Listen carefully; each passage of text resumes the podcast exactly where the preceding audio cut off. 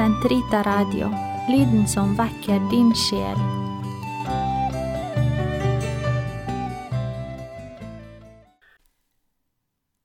Karmels hage sesong to Vi er i dag kommet til tredje og siste program som skal omhandle Jesu hellige ansikt. Vi fortsetter i dag med noen betraktninger rundt Jesu ansiktsdevosjonen, og jeg innleder med ordene Jesus sa i et syn til søster Maria Perina de Michelli, da han oppfordret henne til å få trykket en medaljong med Hans hellige ansikt på. Og han sa, Ved mitt hellige ansikt vil du oppnå omvendelse for utallige syndere. Ingenting du ber om når du utfører dette offeret, vil bli nektet deg. I samme grad som du tar, tar omsorg for å gjøre soning for mitt ansikt, vansiret av menneskers blasfemi, vil jeg ta vare på ditt, som har blitt vansiret av synd. Jeg vil igjen trykke mitt bilde på det og gjøre det like vakkert som det var da jeg forlot døpefonten. Jeg lover personlig og åndelig beskyttelse til alle som ærer denne medaljongen. Det er mange kristne, også katolikker, som kan gå seg litt vill i alle disse forskjellige former for andakter som har vokset frem i vår kirke opp igjennom tidene. Jeg har selv brukt litt tid på å finne ut av noen av dem. De som har dukket opp i min tid som pilegrim til pilegrimsmål, som for eksempel Fatima, Lisieux og Avila. I forbindelse med Barmhjertighetens år i 2016 og nå med konsekreringen av Russland og Ukraina til Jomfru Marias uplettede hjerte den 25. mars 2022, har forskjellige soningsandakter dukket opp, samt en del begreper som vi alle kan streve litt med, særlig disse soningsandaktene. Teresa Lisieux strevet også med dette, som vi vet, og det var mye frykt forbundet med å skulle påta seg skylden for all den synd, blasfemi og aggresjon mot Jesus, Kristus og hans mor Maria som fant sted i hennes tid. Hun fant imidlertid en trygg havn, den treenige Guds barmhjertige kjærlighet. I denne var det hun ville elske sjelene og sin Gud. Her var ingen frykt, bare tomme hender, overgivelse og glede. Lille Therese satt daglig foran bildet av Jesu hellige ansikt. Hun kom dit med tomme hender, uten krav og anmodninger. Hun kom dit ene og alene for å være sammen med ham, og som hun sier ved flere anledninger, for å trøste ham. Med Karmels to Theresaer, Therese av Avila og Therese av Lisieux, har jeg brukt mye tid på å trenge inn i denne åndeligheten. For meg har Jesus i Getsemane vært utgangspunktet. Det har vokset seg fram etter forsøk på å følge Teresa av Avilas råd. Hun som skriver i sin selvbiografi.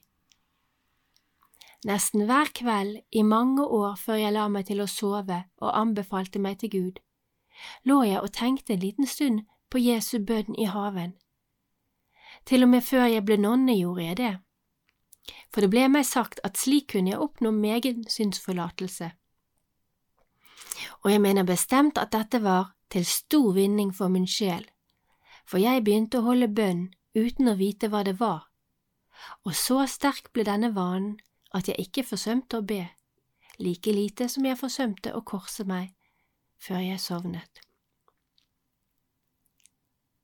Denne andakten, som noen ganger er en kort stund før man sovner, andre ganger kan være gjennom fortvilte våkenetter, har utviklet seg i en evig vekselvirkning mellom det å lese de forskjellige beretningene om Vår Herres lidelse i Bibelen, og gjennom Eukaristiens nåde og gjennom rosenkransmeditasjoner.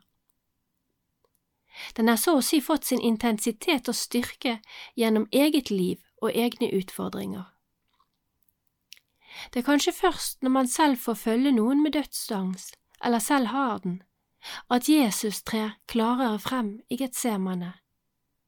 Da vet man noe om behovet for menneskelig nærvær, og betydningen av en hånd å holde i. Det er først da at man virkelig ser hvor inderlig Jesus ønsket at hans menneskelige venner skulle våke med ham, være med ham på dette stedet, i denne pinen. For meg blir Getsemane porten inn i alle disse soningsandaktene. Det er kjærligheten til ham og også hans mor som han elsket så inderlig, som er utgangspunktet for andaktene. De skjer på invitasjon fra Jesus selv.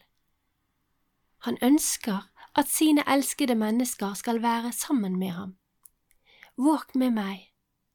Ja, våk med Jesus Kristus ved å lese Hans ord, ta imot Hans sakramenter, og dag ut og dag inn, for eksempel ved å se på Hans hellige ansikt. Å se på Kristi korsfestede ansikt forener oss med alle hans sorger, kjærlighet og opplevelse av å være fullstendig forlatt. Vi ber. Kom, Hellige Ånd, fyll dine troendes hjerter og tenn i dem din kjærlighetsild, du som gjennom de mangfoldige tungemål samlet alle folkeslag til troens enhet. Send ut din ånd, og alt skal bli omskapt, og du fornyer jordens åsyn. La oss be. Gud, du har opplyst de troendes hjerter ved Den hellige ånd. Gi oss at vi ved din ånd kan glede oss over det som er rett, og alltid bli lykkelige ved Hans trøst. Ved Kristus, vår Herre. Amen. I det som nå følger, er en liten forklaring på disse andaktene og hvordan de har vokset frem, og jeg har prøvd å oversette informasjon som jeg har funnet på The Holy Face Devotion og en nettadresse som jeg legger på hjemmesiden, og utdrag fra katolsk.no som jeg har forkortet litt, og som jeg også leser for dere. Vi begynner med informasjonen fra The Holy Face Devotion. Hver gang mitt ansikt blir betraktet, vil jeg utøse min kjærlighet i hjertene til disse personene, og ved hjelp av mitt hellige ansikt vil det være mulig å oppnå mange sjelers frelse. Det er vår Herre Jesu Kristi ord til søster Pireina. I syner til karmelittnonnen søster Marie av Sankt Peter ba Jesus henne om å arbeide for at det skulle opprettes en hengivenhet til Hans hellige ansikt. Han ga henne bønnen Den gylne pil, som er et middel mot blasfemiens forgiftede piler. Senere ble en annen søster Pierena, oppfordret til å spre andakten og få laget en medaljong med bilde av Jesu hellige ansikt. Festen ble for Det hellige ansikt ble etablert, som vi har nevnt tidligere programmer, av pave Pius den 12. i 1858, på fetetirsdagen, altså tirsdagen før askeonsdag, i starten av fasten. Eh, to mirakuløse bilder er assosiert med andaktene til Det hellige ansikt, og det er Veronikas svetteduk som sies å være den kluten som ble brukt av den hellige Veronica for å tørke Jesu ansikt under hans lidelse. Og så er det det hellige likkledet i Torino. Det er av de troende antatt å være Kristi likklede. Til tross for at det er det mest vitenskapelig studerte objektet noensinne, forvirrer det fortsatt vitenskapsmenn. Ingen har til nå kunnet finne en fysisk forklaring på hvordan avtrykket på dette livkledet ble til.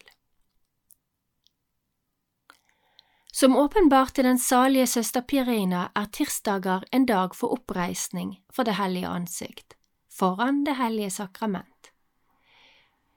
Ifølge vår salige mor Marias egne ord til søster Pirina er medaljongen til Det hellige ansikt, og jeg siterer, et forsvarsvåpen, et motets skjold, et tegn på kjærlighet og barmhjertighet i disse urolige tider med begjær, ondskap, tap av tro og hat mot Gud og Hans kirke. Hun sier videre, den som bærer denne medaljongen, om mulig ukentlig besøk av Det hellige sakramentet på tirsdager, til soning for Det hellige ansikt, vil bli gitt en sterk troens gave og nåde til å gå i troens forsvar, om nødvendig beseire indre og ytre vanskeligheter. Dessuten vil de med fred gå sin død i møte under det kjærlige blikket til min guddommelige sønn. Det er altså to nonner som har en særlig plass i moderne historie i forhold til Jesu hellige andakt. Og den første av dem er søster Maria av Sankt Peter. Hun ble født 4. oktober i 1816 og døde 8. juli i 1848. Og hun ble født i Rennes i Bretagne.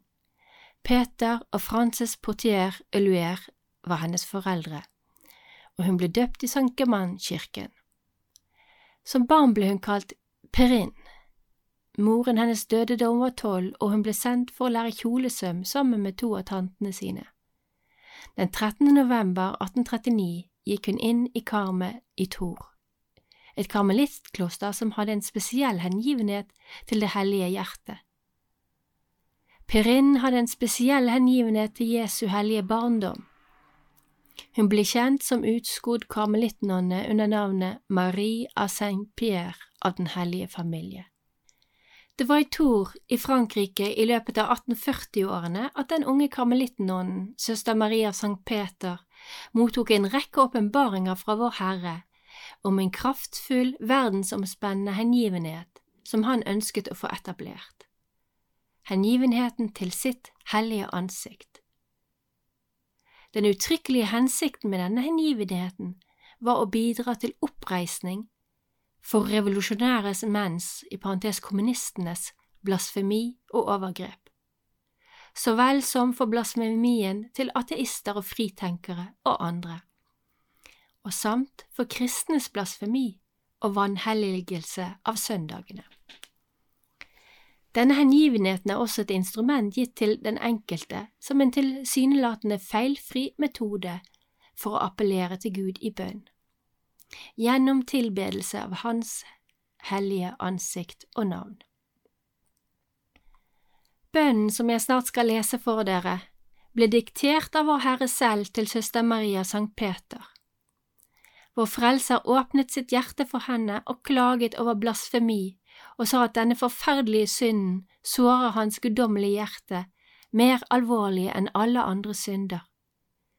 For det er som en forgiftet pil etter å ha diktert Vår Frels følgende bønn, som han kalte Den gylne pil, sa han at de som ber denne bønnen, vil båre ham på en herlig måte, og også helbrede de andre sårene som han påføres av på grunn av synderens, syndernes ondskap. Denne bønnen blir sett på som selve grunnlaget for det åndelige soningsarbeidet. Jeg lager en liten parentes her, for dette ordet som på engelsk heter reparation, har ikke noe egentlig godt norsk ord.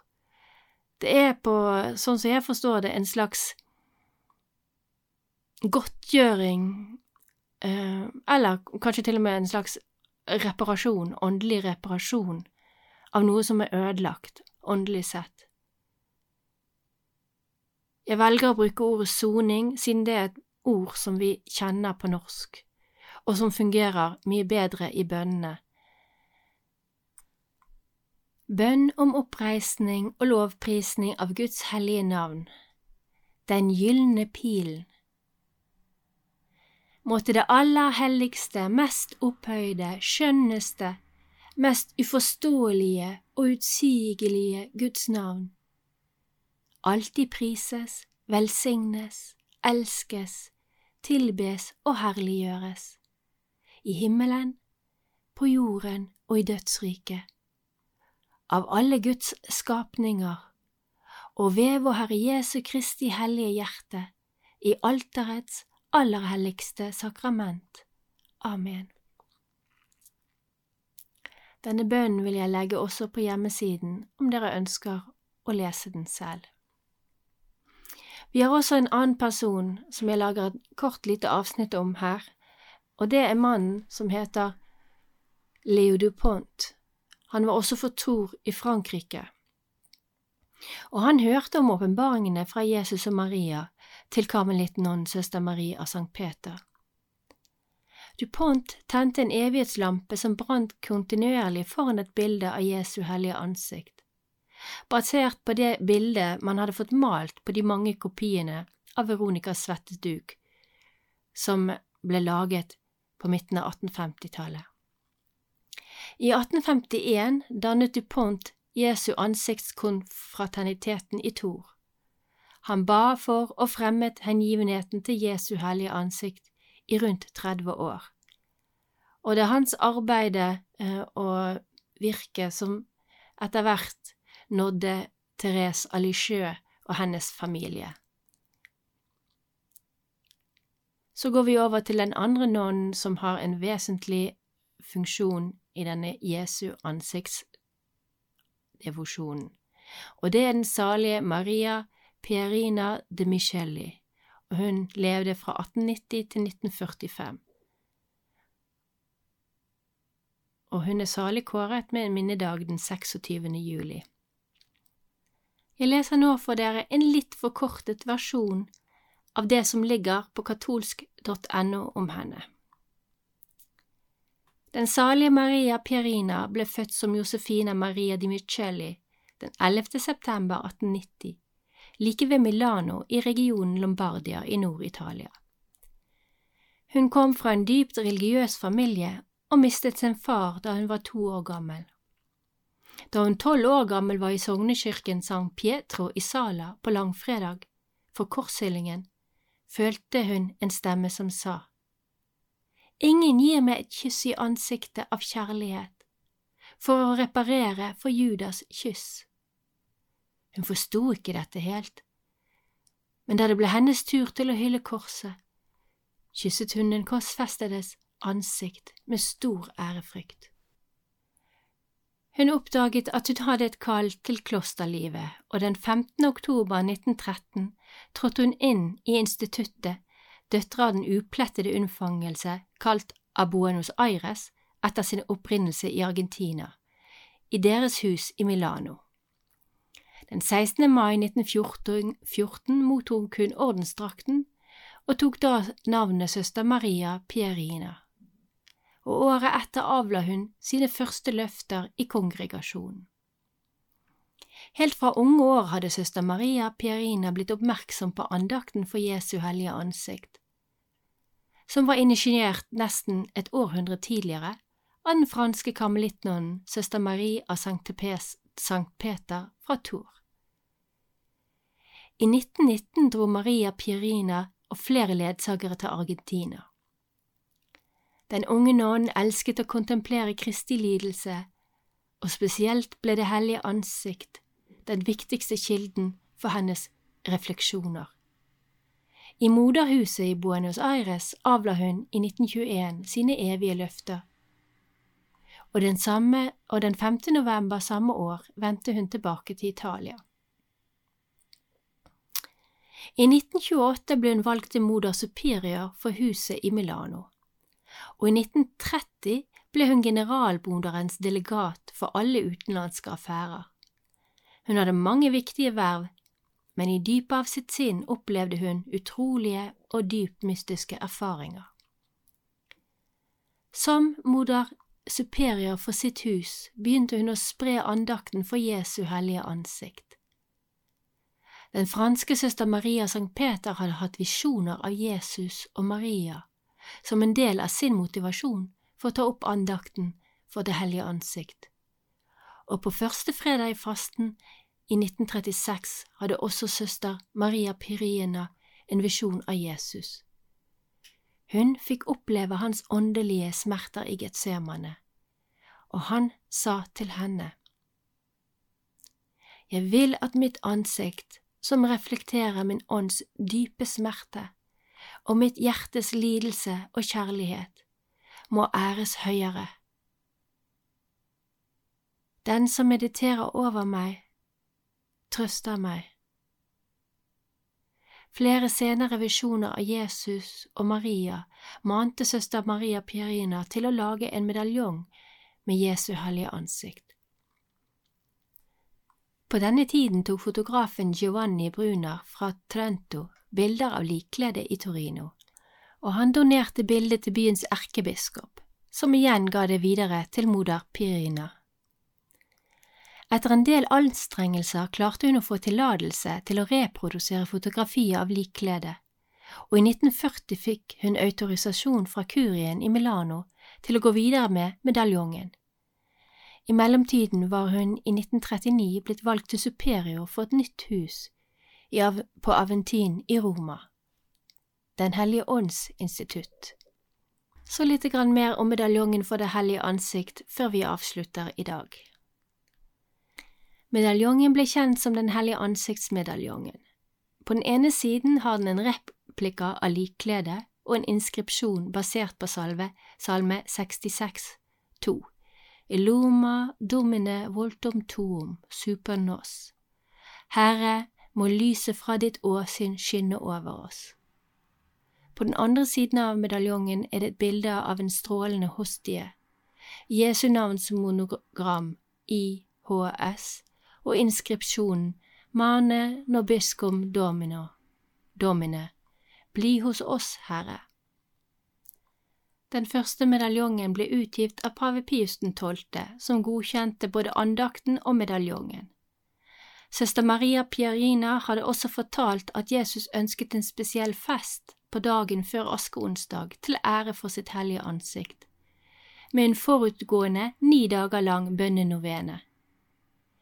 I 1958 innførte paven festen for Jesu hellige ansikt på denne dagen for alle katolikker.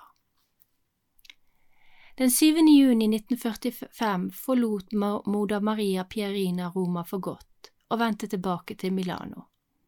Hennes oppgave var nå fullført, og hun døde den 26. juli 1945 i Kongresjonens hus i regionen Piemonte i Nord-Italia, 54 år gammel.